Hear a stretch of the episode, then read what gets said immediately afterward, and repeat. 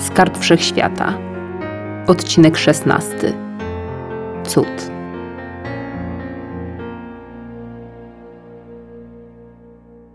Gloria Schneider nigdy w życiu nie przypuszczałaby, że można tak się uradować na widok toalety damskiej, takiej, do której wejdzie sama.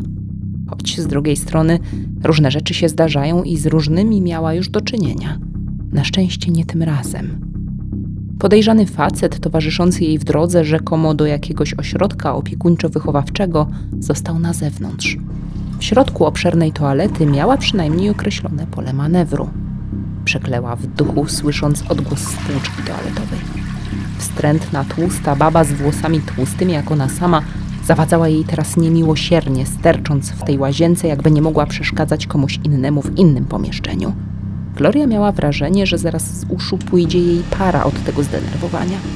Kobieta chyba wyczuła napięcie, spojrzała bowiem w jej kierunku i natychmiast wyszła. Być może ze względu na wzrok dziewczyny. Dziwnie złowrogi i jakby opętany. Porzucona w kącie drewniana miotła posłużyła Glorii do zablokowania drzwi. Bez problemu i prawie bezgłośnie dała się wsunąć pod duży uchwyt odgrywający rolę klamki.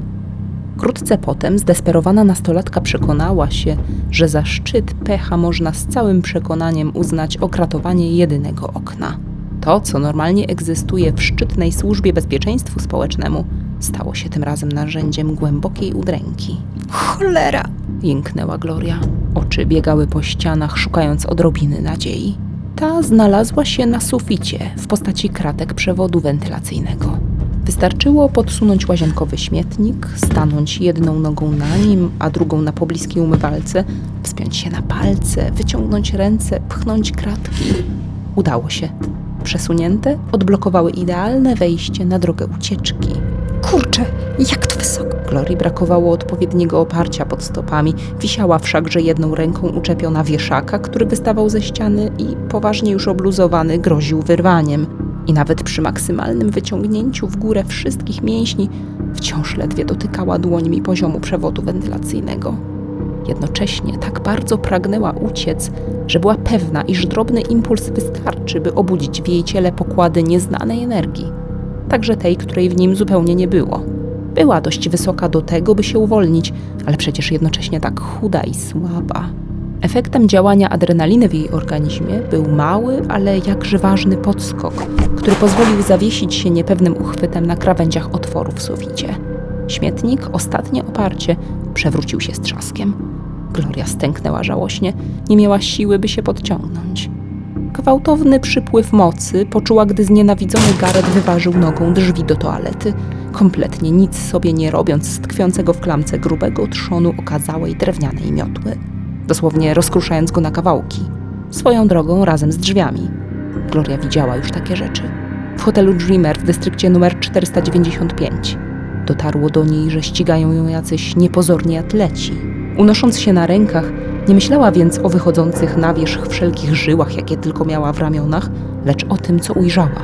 Bo facet, nie na żarty wnerwiony jej ucieczką, w pierwszym odruchu nie wyciągnął spod płaszcza broni palnej – Chciał zastosować coś znacznie gorszego. Na chwilę w jego prawej dłoni pojawiła się złowroga świetlista kula barwy ognistej czerwieni, gotowa do wyrzutu. Na chwilę, co było znakiem opamiętania. Nie wykorzystał tej śmiercionośnej techniki, znanej już glorii, znanej całemu światu, choć w troszeczkę innej postaci. Kiedy w panice czołgała się przez korytarz przewodu wentylacyjnego, widziała i słyszała, jak wbijały się w niego od zewnątrz wystrzelone z pistoletu kule. Na szczęście solidny metal wytrzymał, Rety, to takich ludzi jest więcej? myślała przerażona. Takie jak dziewczyna z kosą. On też to umie. Czy oni wszyscy są źli i koniecznie chcą mnie zabić? Rany, a co się stało z Ameli? Chyba im nic nie zrobił. Nie miał wspólnika, prawda? Przyspieszyła, słysząc, że facet wgramolił się już do jej cudownego podsufitowego korytarza wiodącego na wolność. Przez chwilę chciała krzyknąć do niego coś na kształt słów: Jestem wybrana, mnie nie możesz zastrzelić, ale uznała to za niezbyt dobry pomysł. Co jeśli ten mężczyzna ściga ją, nie wiedząc, dlaczego mu to zlecono? Wtedy nic nie zrozumie. I to niezrozumienie okaże się największym zagrożeniem. Kleła w duchu, przeklinała groteskę, w jaką się uwikłała. Może nie miała zbyt normalnej rodziny, ale zawsze chciała normalnie żyć. Dlaczego? Dlaczego to akurat ja zostałam wybrana? Przecież jestem do niczego. Skręciła w prawo, w boczne odgałęzienie przewodu. Metal skrzypiał. Pod ciężarem kogoś tak wysokiego jak Gareth zaczął niebezpiecznie się wyginać. Dziewczyna z kosą by mi pomogła. Ona nie może być zła.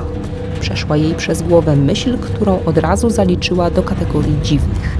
Bo skąd to przekonanie? Spróbowała obejrzeć się przez ramię. Wtedy padł strzał. Serce jej się zatrzymało, ale tylko ze strachu. Trudno jej było uwierzyć, że wciąż jest cała, że żadna z jej kończyn nie została w tyle, zakrwawiona, osobno od reszty ciała. I zaskoczenie to przerodziło się w krótkotrwałą radość. Na ułamek sekundy przed posłaniem w jej stronę następnego pocisku zauważyła upragnione okratowanie. Jeszcze jedna kula ominęła ją w cudowny sposób, gdy rękoma drżącymi ze strachu chwyciła je i odrzuciła w przód, by samej wpaść w powstały otwór. Jeśli miała coś w sobie jako pierwsza wybrana, to chyba niewyczerpalne pokłady szczęścia, bo to też nie było normalne. Przy lądowaniu prawie połamała sobie nogi. Obolała i potłuczona, na czworakach pobiegła ukryć się za dużymi skrzyniami magazynu, w którym się znalazła. W pomieszczeniu panował półmrok. Było duszno, strach utrudniał oddychanie. Glorii zakręciło się w głowie. Przysiadła na podłodze w swojej pośpiesznie znalezionej i niegwarantującej bezpieczeństwa kryjówce. A szerokie wyjście, otwarte, było już tak blisko. W skrzynię trafiła nagle seria wystrzałów. Dziewczyna skuliła się z trwogi, oczekując najgorszego. Coś się potłukło, upuszczone na podłogę. Kątem oka Schneider dojrzała młodego, ciemnowłosego magazyniera. Właśnie wszedł, niosąc coś w butelkach, jak pewnie codziennie w pracy. Gareth nawet nie mrugnął okiem. Wycelował, strzelił. To wszystko. A na ziemi ubyło jedno życie. Zbrukane leżało teraz w kałuży najczerwieńszej krwi. Wreszcie milczało, bo miało tylko zamilknąć. To przeze mnie. Pomyślała Gloria i zacisnęła powieki. Nie była w stanie się ruszyć. Kogo ty skarbie wybierasz? Co ja mam zrobić? Otworzywszy oczy, ujrzała wcielony cud. Ten cud, rodzaju żeńskiego, nie przedstawił się, nie było na to czasu. Miał mleczno-białą, żeby nie powiedzieć śnieżno-białą cerę i niemal równie jasne, długie, falowane włosy. Duże oczy, okolone ciemnymi, bardzo ładnymi brwiami, wyróżniały się złotymi tęczówkami pod kolor ciężkich kolczyków tkwiących w uszach. Ta alabastrowa twarz. Nie, tak idealne rysy nie istnieją. Przepiękne i jednocześnie tak nierzeczywiście się prezentujące zjawisko odezwało się 1500 kilometrów. Wtedy Gloria zauważyła, że kobieta przed nią wciska jej w rękę klin kierowniczy do Skydropera. Gdy została siłą popchnięta w kierunku drzwi, obejrzała się jeszcze, by zobaczyć, że nieznajoma stanęła naprzeciwko ścigającego ją faceta i wytworzyła w dłoni czerwoną kulę mocy, uderzająco podobną do tej, która zaświeciła przez chwilę w ręce Gareta wcześniej w łazience. Podmuch niosący się od eksplozji wypchnął Glorię na zewnątrz. Drobne ręce wyhamowały na piasku. Przed magazynem autentycznie czekał dobrej jakości duży granatowy skydropper. Czym prędzej go dosiadła i uruchomiła, wyzwalając od razu pełną moc. Leciała po prostu przed siebie. Racjonalnie myśleć zaczęła dopiero po paru minutach pędzenia na oślep dwa metry nad ziemią. Wydawało jej się, że powinna była zaczekać na kobietę, która ją ocaliła. Potem pomyślała o tym, że wypożyczenie skydropera na tyle kilometrów jest bardzo drogie. Potem, że cały czas ma niebywałe szczęście. Potem, że to dziwne. Myśli kotłowały jej się w głowie. Postanowiła zawrócić. Jeszcze szybciej z tego zrezygnowała. Zrozumiała, że musi myśleć przede wszystkim o sobie i o losach świata, wszechświata, Jestem wybrana. myślała gorączkowo. Muszę żyć, żeby odnaleźć skarb wszechświata, by szukać następnych wybranych.